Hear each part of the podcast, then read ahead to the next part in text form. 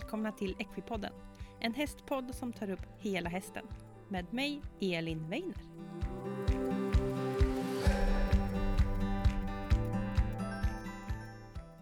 Hej alla fantastiska Equipodden-lyssnare och välkomna tillbaka till Equipodden. Det är början av augusti och sommaren börjar gå lite mot sitt slut men jag hoppas att det är några fantastiska veckor kvar. Det brukar ju ändå vara ganska fint i augusti. Men Equipodden har haft ett sommaruppehåll och nu är det dags att komma igång igen. Eh, jag har längtat eh, sjukt mycket och jag hoppas ni också har längtat. Men även saker som man älskar att göra är det viktigt att ta en paus ifrån. Så en liten sommarpaus har det varit men nu är vi tillbaka och jag kommer släppa fantastiska avsnitt hela hösten. Vi drar igång den här säsongen med ett riktigt, riktigt stort namn. Och eh, det är nämligen så att eh, jag har rest lite på mitt sommaruppehåll och eh, jag åkte ner till Kristianstad och utanför Kristianstad där så träffade jag Ulla Håkansson. En sån legend inom ridsporten, både dressyr och hoppning. Jag fick träffa henne och sitta i hennes fantastiska trädgård och spela in en poddintervju. Ulla är eh, framförallt dressyrryttare men har varit hoppryttare då och eh, hon är en liten bit över 80 år gammal. Hon har en enormt lång meritlista med inget mindre än 12 SM-guld, 10 stycken EM har hon varit med i. Hon har varit med i 6 VM och inte mindre än 6 stycken OS. Det är en enormt lång och så häftig karriär som hon verkligen har varit med om. Hon har tagit upp häst efter häst på högsta nivån och eh, vi pratade en del om eh, Ajax som är, eh, man ska säga, hennes första häst kanske. Som eh, från början som hopphäst men fick lite scenskräck och blev sen då dressyrhäst. Eh, men hon har såklart haft många, många fler. Efter Ajax, och eh, Ajax så är listan lång. Det är eh, Flamingo, det är Tolsoj, det är Bobby, men mera, men mera. Och till och med än idag så har hon tävling på högsta nivån i Sverige. När jag hälsade på henne hade hon fyra hästar i stallet och det första hon sa när jag kom det var att Åh, jag har precis fyllt lastbilen med vatten för jag ska till Falsterbo nästa vecka.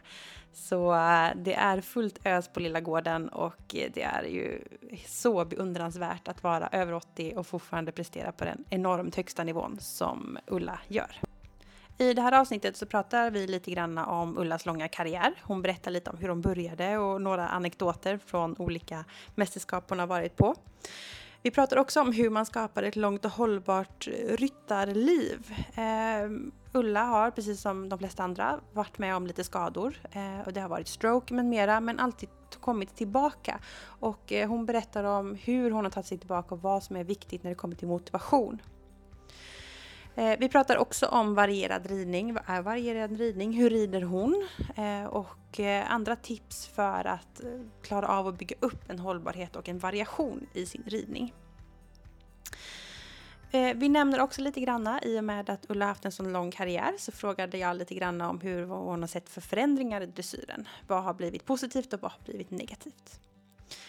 Eh, det går inte att missa heller att Ulla har ju verkligen gett tillbaka så mycket till ridsporten och eh, hon delar ut pengar varje år, bland annat med det här Ajax-stipendiatet som går till unga ryttare, men hon ger också ut väldigt mycket pengar till forskning och SLU har varit i det senaste fallet här, så vi pratar lite om det också. Och eh, det är verkligen så fascinerande att få lyssna på. Ja, eh, Ulla hon är ju en legend verkligen och det här var så intressant att få träffa henne. Jag vill bara säga innan vi sätter på att vi satt utomhus, det är ändå coronatider, eh, och spelade in så man får höra lite härligt sommarfågelljud eh, också i den här inspelningen, vilket faktiskt är ganska mysigt tycker jag. Men vi kör helt enkelt igång veckans avsnitt med legenden Ulla Håkansson.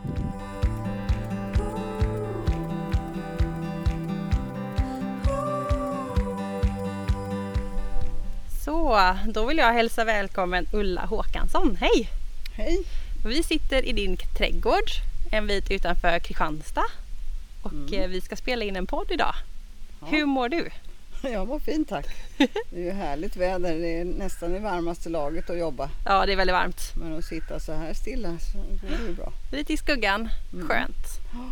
Och Ulla, du är ju en eh, fantastisk legend i ridsporten kan man väl säga. Du har hållit på i väldigt många år och från början hoppning och sen nu framförallt dressyr. Mm. Jag tänkte du kunde få börja med att bara berätta vem du är. Jaha, jag är född i Östergötland, Motala närmare bestämt och uppvuxen i Ljungsbro där chokladfabriken Cloetta ligger Just det. som är vårt familjeföretag faktiskt. Jaha. Från början, mina farbröder arbetade där och min pappa också. Jaha. Och ja, där bodde vi många år och min pappa var intresserad av hästar och hade egen häst. Och så småningom köptes det en liten Gotlandsruss till oss, Mm. min syster Marianne och mig. Fick vi på en julafton. Marianne tyckte ponnyn var jättesöt men ja, jultomten kan sticka iväg. Men lämna ponnyn här. Ja. Ja. Så vi växte upp med att rida ponny som pappa hjälpte oss med för att det var, den var mera vild än tam faktiskt. Mm. Så att det behövdes hjälp av en vuxen också. Mm. Men den ponnyn både red vi och körde vi med vagn också. Och så småningom växte man upp och vi flyttade till Djursholm där vi hade hästarna, en ponny och då Felix hette han och en stor häst som pappa red på Djursholms ridskola hade vi dem. Och så småningom fick jag låna stora hästar och eh, rida. Ponnytävlingar fanns det inte på den tiden. Eh, Men jag tjatade mig till att få vara med på en tävling med min ponny och det gick eh, rätt så bra både i hoppning och dressyr. För jag var intresserad av båda deras, mest hoppning kanske. Mm. Och eh, jag fick börja låna några av de stora hästarna där som privatryttarna hade för att träna dem i hoppning och då red man ifrån Djursholm till Stockholm som är en mil åtminstone. Det tog en timme i alla fall. Det var ju mest skritt och den värsta biten var ju Stocksundsbron för där var det ju brant stup på ena sidan och trafik i, på körbanan då och Ja, vi travade över på trottoaren så snabbt som möjligt. Ja. Ja, det var den tiden i Djursholm. Och eh, vad ska jag fortsätta med nu då? ja. Vad hände efter det då? Ja, så småningom så fick jag faktiskt eh, åka till Spanska hovridsskolan i Wien för min mormor var från Wien och min mamma var från Zagreb, Ja. dåvarande Jugoslavien. Ja. Så vi var väldigt ofta i Wien och hälsade på på somrarna. Mm. Och besökte naturligtvis Spanska hovridsskolan Mm. och där vi pratade med beridarna och så. Och eh, ja, pappa fixade så att jag fick komma dit i tre månader och träna. Och Ah. det var ju väldigt nyttigt. Det måste varit en upplevelse. Det var väldigt stor upplevelse. Då red man en häst eh, på lina utan stigbyglar och tyglar bara för att öva sitsen. Ja. Och nästa lektion det var på en äldre hingst då, som eh, kunde allting och då fick man träna lite olika rörelser. Och det var ju jättespännande. Efter det har jag varit på Strömsholm, långa kursen som Mm. var militär på den tiden. Mm. Och där träffade jag min man och min syster Marianne träffade sin man Göran Sjövall. Det var ju Så det var en lyckat. lyckad kurs. Ja. Eh, ja, där lärde vi oss väldigt mycket också. Mm. Som sagt så var jag mest hoppinriktad och det var Dag Nätterqvist och Tota Burman som var hopplärarna och Hans Wikne undervisade i dressyr och han blev ju så småningom eh, landslagsledare för dressyrtruppen. Och ja, om jag går vidare lite grann i tiden så en av mina allra bästa hästar hette ju Ajax Just och det. det var ju också ett äventyr med honom. Och honom har jag skrivit en bok om som det. du kanske vet. Den heter Ajax och jag. Mm. Och där står ju hela storyn. Men det började med att vi köpte honom som fyraåring, mera vild än tam. hos uppfödaren. Och eh, Sixten Pohl heter han, hette han. Eh, och så småningom så fick jag väl lite ordning på honom och red både dressyr och hoppning upp till medelsvår dressyr. Mm. Och så småningom när jag hoppade, jag var inriktad på hoppning och så småningom red jag ju svår och hoppning och då Mm. fick dressyren vara. Just det. Så att, eh, men upp till medelsvår red jag bägge grenarna samtidigt. På förmiddagen var det dressyr och på eftermiddagen hoppning oftast. Mm. Och sen var vi eh, med på Nordiska mästerskapen i hoppning och det gick jättebra. Jag tror till och med att jag vann. och sen efter det så åkte vi till Aachen och skulle då hoppa där. Och klassen tidigare lades en halvtimme och det var den halvtimme jag skulle rida fram på. Mm. Och det startades i bokstavsordning så Ajax var precis i början av klassen. Och så skulle man ju då väga sig innan man skulle in. Herrar eller ryttarna vägde, skulle väga 75 kilo minst och Asså. damerna, ryttarinnorna 70 kilo med sadel då. Minst. Jag hade många, Ja. ja minst. Ah. Jag hade ju många blytacker i vojlucken. Asså? Det var ju tvunget för, eftersom jag inte vägde så mycket på den tiden. Eh, I alla fall fick han en chock när han kom in på denna stora bana Ja. eh, och väg, vi vägrade ut oss. Vi provade en gång till men det var väldigt osäkert så det var inte något att fortsätta med Mm. Att hoppa honom där i Aschen utan jag hoppade hans helsyster Jungfrulin som jag hade fått med mig och lånat av min man. Ah. Som hoppade henne för det mesta men han hade inte tid att följa med. Så det var ju tur för mig i och för sig. Och när jag kom hem så provade jag fortfarande ett år till att hoppa honom men det var osäkert. Han Mm. hoppade jättefint på framridningen men när vi kom in så var det osäkert Mm. Om man ville eller inte ville. Mm. Så då fick jag tänka om och försöka mig på det här med dressyren i lite högre klasser så småningom. Mm. Det han hade lärt sig som hopphäst det var piaff. Men några seriebyten hade vi inte gjort och ingen passage heller för det var inte tvunget. Men alla våra hopphästar lärde sig piaff för att det är en bra gymnastik för hopphästar också. det. Det är bra Mm. för rumpan ja. Ja. Och eh, Hans Wikne då, han sa, ja, men så roligt att du vill rida dressyr men du får nog skaffa dig en dressyrhäst. Så, ja, så. Men då blev jag lite, lite smått arg. Jag tänkte jag ska i alla fall försöka för jag vill inte sälja min fina häst. Nej. Så att jag kämpade på. Och det blev ju faktiskt riktigt bra på sluttampen. I och med att vi kvalade till OS i München och vi hade ett bra lag där så vi kom trea. Just det. Och själv kom jag sexa individuellt. Fantastiskt. Och det var ju rätt fantastiskt på en gammal hopphäst. Ja, verkligen. Och jag- Vilket år är vi på nu då?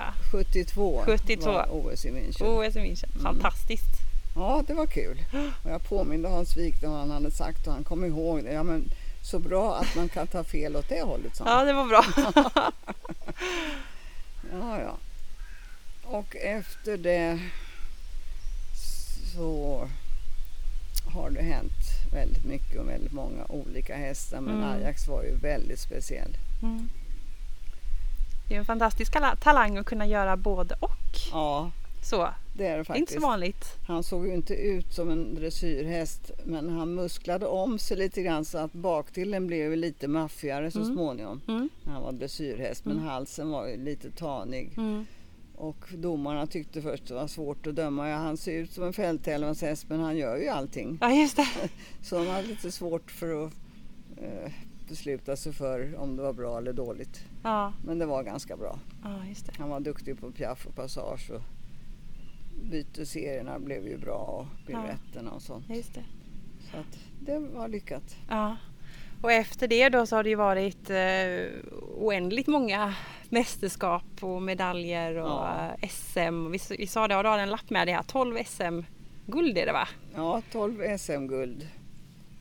Och eh, sammanfattningsvis så har jag på min meritlista som jag skrivit upp här för att kunna komma ihåg alla årtal så Ja. har jag ridit 10 EM, Ja. 6 VM, 6 OS med fem bronsmedaljer i lagdressyr. Och EM det var 71 och 97 och OS 72, 84 Mm. och VM 98. Sen är det två OS till som jag inte kom till start på. Det var ju väldigt olyckligt. Vi var ju i Montreal, Ajax och jag. Och Mm. eh, dagen efter ditresan så avled han. Och det var en tumör på binjuren som man inte kunde ha en aning om. Så Oj. det hade egentligen inget med resan att göra som man trodde först. Det var sorgligt. Det var väldigt sorgligt. Och likadant så var jag i Sydney med Bobby Mm. År 2000. Och plötsligt så var han halt när jag precis, innan jag precis skulle rida in på banan, på framridningen. Helt tillfälligt halt. Och det var ju väldigt tråkigt att åka så jättelångt och så inte komma till start. Ja. Det är ja. jättetaskigt. Och hela uppladdningen inför ja, också. så mycket jobb alltså. Ja.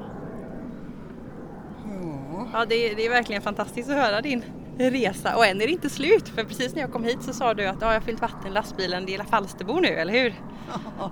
Så, Ja, nästa helg har jag anmält mig till Falsterbo-tävlingarna Ja. i två klasser, Grand Prix och Grand Prix Kyr. Mm. Den tionde och elfte. Och du har fyra hästar i stallet nu? Ja, men det är tre pensionärer som Ja. inte gör så mycket. De är, två stycken är 29 år. Oj, nej då behöver Ja. man inte göra så mycket. De promenerar varannan dag kan man Ja. säga. Och den tredje är två år yngre, Titus. Han eh, promenerar som min man. Mm. Och den enda som jobbar så är det ju Diddy Cool som jag har som tävlingshäst nu. Som kämpar på. Ja, häftigt. Eh, då måste man ju ändå fråga. Eh, haft en sån otroligt lång karriär eh, och du är ju lite över 80 år gammal. Hur kan man ha, eller hur lyckas man ha en sån lång karriär som ryttare? Hur håller man ihop hela vägen? Ja, för det första får man ju tycka att det är roligt. Ja. Och jag tycker att det är ett bra sätt att hålla sig igång. Mm. Och för att kunna orka tävla och sånt så måste man ju hålla igång på annat vis också. Mm. Så jag går ju hundpromenad varje dag och eh, när det inte är pandemi och sånt så har jag dansat linedans och squaredans Ah. tidigare. Och jag har varit med på judo som är en bra träning faktiskt Asså? för ryttare. För där tränar man ju kast och sånt så falltekniken ingår där. Ah, Och det det kan var vara bra ett om man tips. åker av hästen. Verkligen. Ja, det, den har jag aldrig hört. Nej. Kanske ska ta någon judolektion nu då. Ja, gör det. Det är bra uppvärmning dessutom Mm. innan man får göra några kast eller så. Just det. Och det är ju viktigt i alla eh, sporter att man värmer upp bra Verkligen. innan man ska göra det på riktigt. Verkligen. Så det är dina bästa tips för en eh, lång och hållbar karriär? Ja, Mm. det kan man säga. Att man håller igång sig själv. Mm. Man kan ju åka skidor på vintern och jogga på sommaren och, Mm. eller cykla eller vad man nu vill göra. Just det. Hålla igång lite utanför hästen Ja. också. Mm. Och vilja. Ja. ja, man måste ha en vilja och eh, ett någorlunda tålamod. Mm. och inte deppa ihop om det går åt skogen utan då får man ju försöka komma igen. Mm. Just det. Och jag tänker också, för du har ju varit med om det haft både diskbråck och lite andra skador och någon stroke och sådär. Mm. Ehm, hur hittar du motivation för att komma tillbaka efter en sån eh, skada eller sjukdom? Ja, motivationen är ju att bli frisk igen Mm. och då måste man kämpa lite Mm. och ta det lite försiktigt först kanske men sen öka på jobbet så att man mår bättre. Men jag, jag känner ju av min rygg varje dag Ja, det är så. men eh, det får man ju ta. Just det. Får eh, se om du får lite hjälp i stallet också. Vi sa innan här om det är någon som vill bli stallskötare så Ja, jag det- söker hästskötare faktiskt. någon som eh, behöver lite hjälp. Ja, det hade varit kul. Antingen heldag eller förmiddagar går också Mm. bra. Det är ju ganska tungt arbete, inte bara alltså ridning i sig är ju tungt arbete Mm. men det runt om är också väldigt tungt. Ja, köra gödselkärror är lite för tungt för min rygg. Mm. Dessutom brukar vi stretcha hästarna när vi kommer in efter ridning och det har jag inte heller riktigt orken till. Just det. Så det behöver jag hjälp med. Ja. Och det är väl klokt att känna att man tar hjälp också då Ja, när man eh, absolut. känner att man behöver. Men min man är ju väldigt spänstig för Mm. sin ålder. Han är ju ännu äldre än vad jag är. Och han eh, gör det grovjobbet Perfekt ju. i stallet och Ja. det är jag ju väldigt tacksam för. Ja. Må- Annars hade det inte gått. Nej, jag förstår det. Det är, det är bra att vara två. Ja, Det är viktigt i livet. Absolut. Eh, motivation säger du, att motivera att bli frisk. Är det det som driver dig i ridningen? Eller är det att eh, du tycker om sambandet med hästen? Eller att tävlingen som är motivation? Eller vad Ja, mer konkret är din motivation? Tävlingarna är bra att ha som delmål Mm. eh, så att man har någonting att sikta på Mm. och jobba för. Och det, numera får man ju ta det som en träning. Ja. Det är inte sån världshäst har jag inte nu. Men det är kul om man kan hänga med lite grann i alla fall. Just det. Just det. Och hur länge tror du man kan hålla på då? Ja, så länge man orkar. Det är bra. Det är Mm. fantastiskt. Så inspirerande. Verkligen. Ehm, och eh, du har ju haft en väldigt lång karriär, framförallt i dressyren men också i hoppningen. Och, och tittar man över tid så har ju dressyren förändrat sig ganska mycket. Ehm, för, ja, förr och förr. Men numera så finns det mycket röster som höjs med liksom att bedömningar på tävlingar med hästar som går bakom lod och mycket sprättiga ben, att de belönas med höga poäng. Eh, Medan förr att man inte tyckte det. Finns det diskussioner som är lite aktuellt nu i sociala medier? Är det någonting du har märkt av eller har du sett en förändring i dressyren under din karriär? Ja, om man tänker sig eh, bedömningen så håller jag med om att de hästarna som går bakom lodplanet då behöver inte vinna en klass. Alltså. Mm. Det tycker jag är väldigt märkligt. Mm. Och det händer ju faktiskt. Mm. Och de som viftar enbart med frambenen de tycker de ser flashiga ut kanske men eh, det är ju inte det som är vitsen utan det måste ju komma bakifrån Mm. så att bakbenen måste röra sig lika mycket. Just det. Och numera har vi ju eh, en skillnad så tillvida att hästarna är lite ädlare och eh, det innebär att man har kanske riktat in sig mera på tävlingshästar. Mm. Men det behövs ju lugna sansade hästar även till lektionsridning och sånt. Så att det får inte bli, gå till överdrift att det bara är flashiga hästar för att de kräver en lite kunnigare ryttare också. Och att man kan ta det lite lugnt och inte tycka att man ska tävla hela tiden med en fyra femåring för det är lite för tidigt. Mm. Utan hästarna måste få växa färdigt och det har de inte gjort förrän de är cirka sju år. Nej, precis. Och det är då man kan börja tävla lite mera. Mm. Så jag, jag, jag har en känsla av att man tävlar kanske lite för unga hästar lite för fort. Mm. Man har lite för bråttom. Man Mm. måste lugna ner sig lite och vänta lite grann.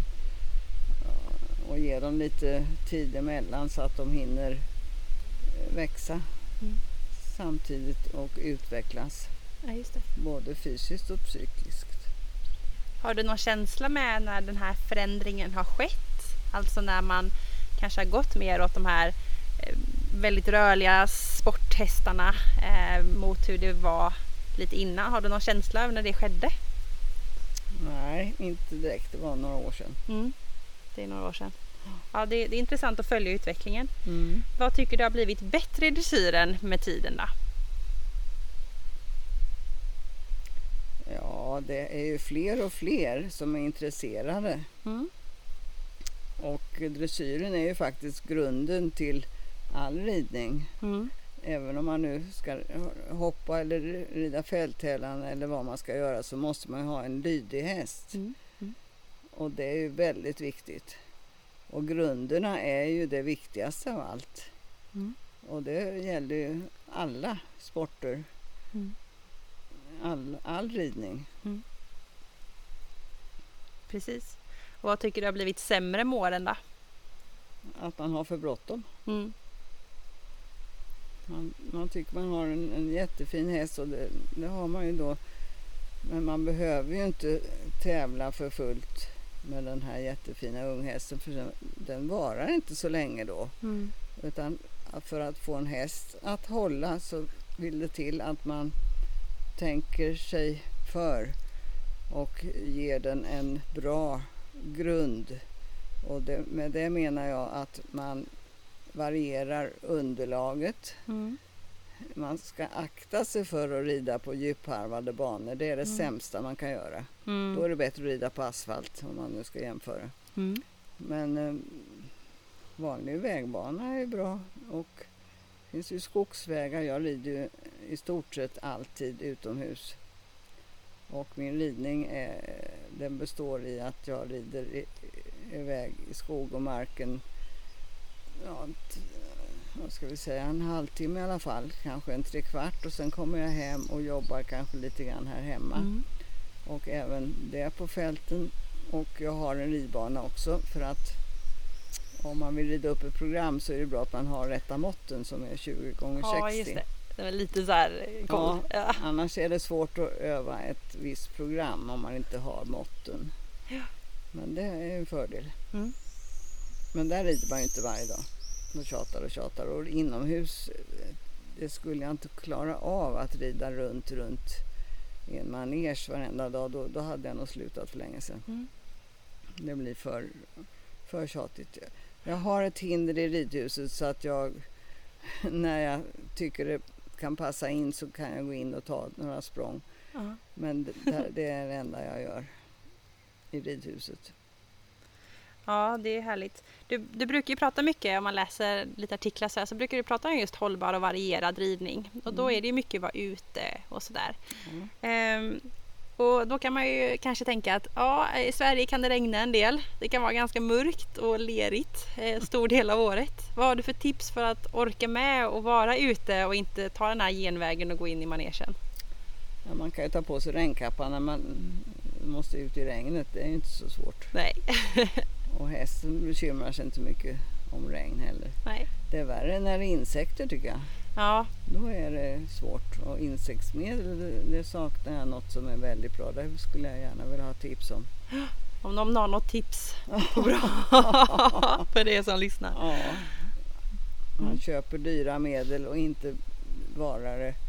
Alltså det, det verkar överhuvudtaget inte. Nej, Jag har inte hittat något ännu. nej det, det är svårt. Det är jättesvårt. Mycket svårt. Eh, men du säger att eh, inte rida på fördjupat underlag, vara ute mycket. Eh, har du några mer tips och tankar på hållbar ridning och var- ditt sätt att rida? variera, ridningen. Mm. Cavaletti är ju bra. Mm. Det kan ju alla åstadkomma. Lä- Lägga ut några stockar. Och det är en bra träning för hästen också. Gymnastik Mm. och lite gymnastikhoppning. Det skadar inte. Även om man ska rida dressyr så är det bra gymnastik. Mm. Och ja, och som sagt grunderna är det viktigaste. Mm. Att man har en, en häst som är lydig och att den kan ställa till höger och vänster. Kan göra skänkelvikningar och ja, kanske göra några piruetter eller något sånt. kan man göra på en stor volt och minska volten. Just det. Då, det är en bra början. Eller rida runt ett träd i skogen. Just det. Ett träd. Och Ja. var som helst kan man göra piaff och passage. Det- Mm. Det gör jag gärna ute i skog och mark. Vad får du för fördel av det känner du då? Att göra det ute i skog och mark? Att det, att det är roligare. Att hästen tycker det är roligare? Ja. Mm. Absolut. De har mera framåtbjudning och mera vilja när de är ute i skog och mark. Klart de kan titta på allt möjligt som min häst. Han tycker det är väldigt farligt med stenar och små fåglar och sånt. Men de får ju vänja sig. Mm. Precis. Våga. Ja. Ja, eh, väldigt viktigt. Och grunderna, du säger ställa hästen, kunna göra lite skänkelvikningar. Men piruett, är det, tillhör det grunderna tycker du? Ska alla hästarna kunna? Nej, det gör det inte. Men om man vill ha ihop hästen och samla den lite så kan man ju prova eh, att göra en volt tillbaka Mm. med tagen bakdel lite grann. Eller man kan göra små volter, det är också bra. Mm. Minska volten och göra den större i en skänkelvikning, det är ett bra tips. Just det. Det kan man göra även i galopp. Just det. Ehm, det är och ju jättebra variera tempot också. Tempo. Så Ja. att man inte rider i exakt samma tempo hela tiden utan man kan öka lite, man kan minska lite och halvhalter är ju väldigt viktigt. Mm. Så att man får liksom hästen mera i balans. Mm. Så att den inte trillar på näsan eller har huvudet rakt upp i luften. Utan en vanlig eh, bjudning och lite nosen fram. Mm. Inte att de går bakom hand. Och det där med rollkur, det, det tycker jag inte är något att Nej. hålla på med. Fram med näsan. Fram med näsan, Ja. absolut. Och varierar du formen när du rider också? Alltså Ja, kort Det- och lång. ja Mm. precis. Det är jättebra. Det är det jag menar med variera tempot och variera formen. Det gör man ju samtidigt då. Mm. Fantastiskt bra. Och om man nu känner då att man lätt har, hamnar i att eh, sitta och rida runt, runt och runt och runt. Hur ska man ta sig ur ett sådant mönster? Har du några tips på hur ska jag få in det här hållbara ridsättet i min egna ridning? Ja, var och en är, alla är ju olika. Mm. Det finns ju de som tycker det är jätteroligt att rida runt eh, 20 varv i ridhuset kanske och byta varv någon enstaka gång. Mm. Men det tror jag inte ger någonting varken för häst eller ryttare. Mm. Du uppmanar att fler ska försöka variera. Ja, absolut. Fantastiskt. Det får vi skicka med till alla lyssnare. Och det hänger lite på tränarna också, Mm. vad de tycker Mm. och vad de ger för råd. Mm.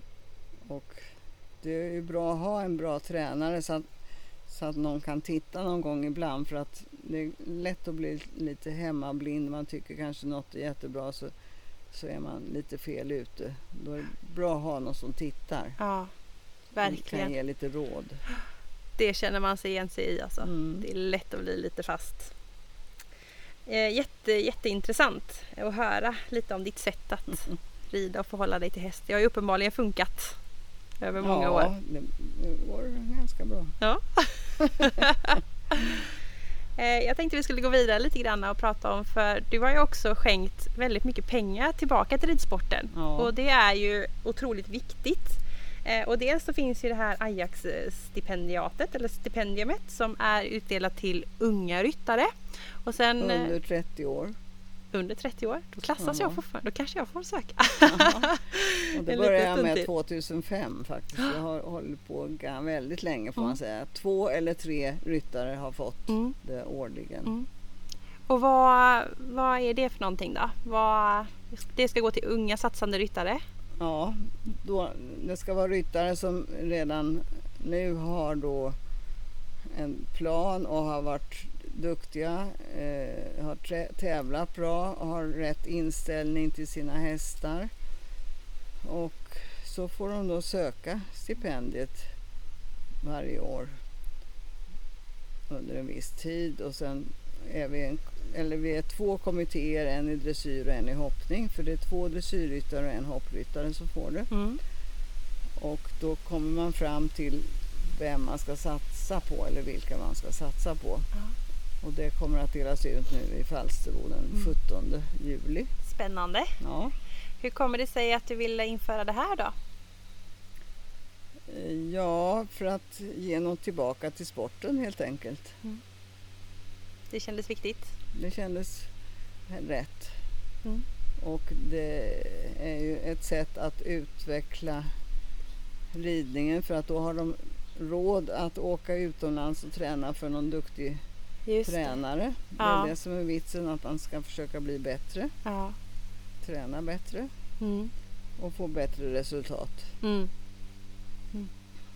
Det är ju väldigt fin gest och en annan sak som du också har gjort mycket det är ju eh, pengar till forskning. Ja, Och det har varit flera projekt genom åren har jag Mm. förstått. Men nu senast var det ju till SLU eh, och kopplat till forskning kring rubbad ämnesomsättning hos framförallt äldre hästar. ja just det. Vill du berätta lite om det? Ja, jag har ju haft kontakt med SLU genom Göran Dahlin i många år. Mm. Och det är ju han som har hjälpt mig och inspirerat mig. Och ja, eftersom man har lite pengar att satsa så, så är det bra att satsa på något som de tycker de vill utveckla och Ja. förbättra. Ja.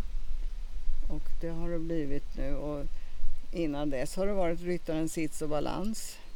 Mm. Eh, Maria Therese Engell Just det. från Norge Mm. har sysslat med det.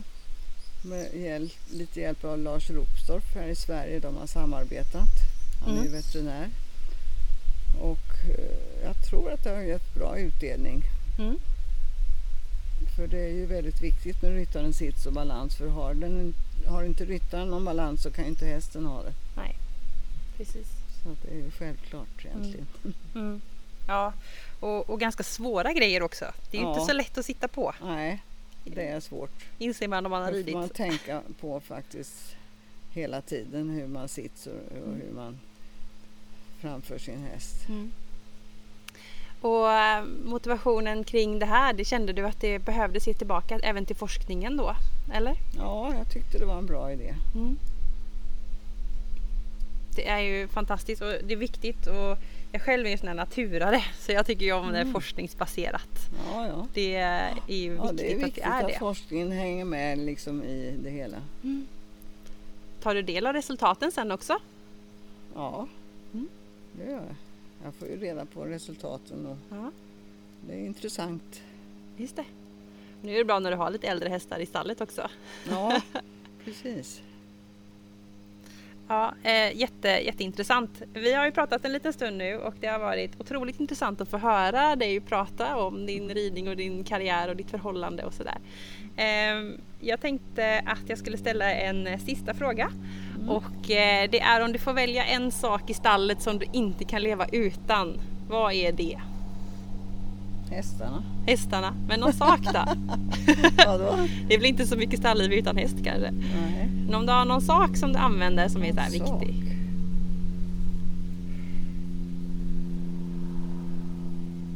Ja, det vet jag inte.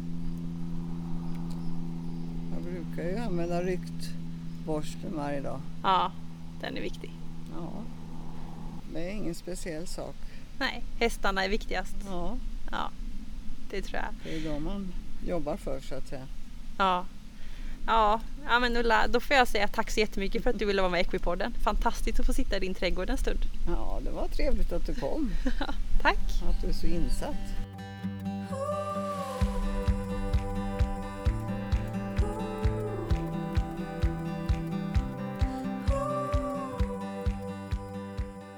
Vilket jäkla dunderavsnitt vi drar igång höstterminen med. Stort, stort tack Ulla för att jag fick komma hem till dig och eh, vi fick, kunde sitta en stund och prata. Eh, höstterminen är igång och det kommer komma massa intressanta avsnitt. Jag vill bara tipsa om att inte glömma att följa Equipodden på sociala medier. Till Equipodden på Instagram och Facebook för där kommer det upp massa intressanta saker från avsnitten på podden. Det kommer upp eh, att ni får bestämma vilka frågor jag ska ställa till vilka gäster och man kan också tipsa om gäster och så vidare och ämnen eller vad som helst.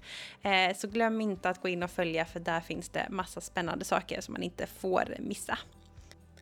Nästa vecka så blir det ett otroligt intressant avsnitt. Jag kan säga att eh, det här var en lyssnare som tipsade om. Eh, jag eh, kände att det här måste jag ha med så att jag eh, besökte den här herren och eh, jag satt i chock. Det skulle blivit ett avsnitt, det blev två. Eh, nästa vecka kommer Per Valer till Equipodden och eh, han är dressyrryttare eh, och tränare och arbetar på ett väldigt speciellt sätt. Vi pratar om glädjen hos hästen, att den vill göra saker, att det inte finns något tvingande.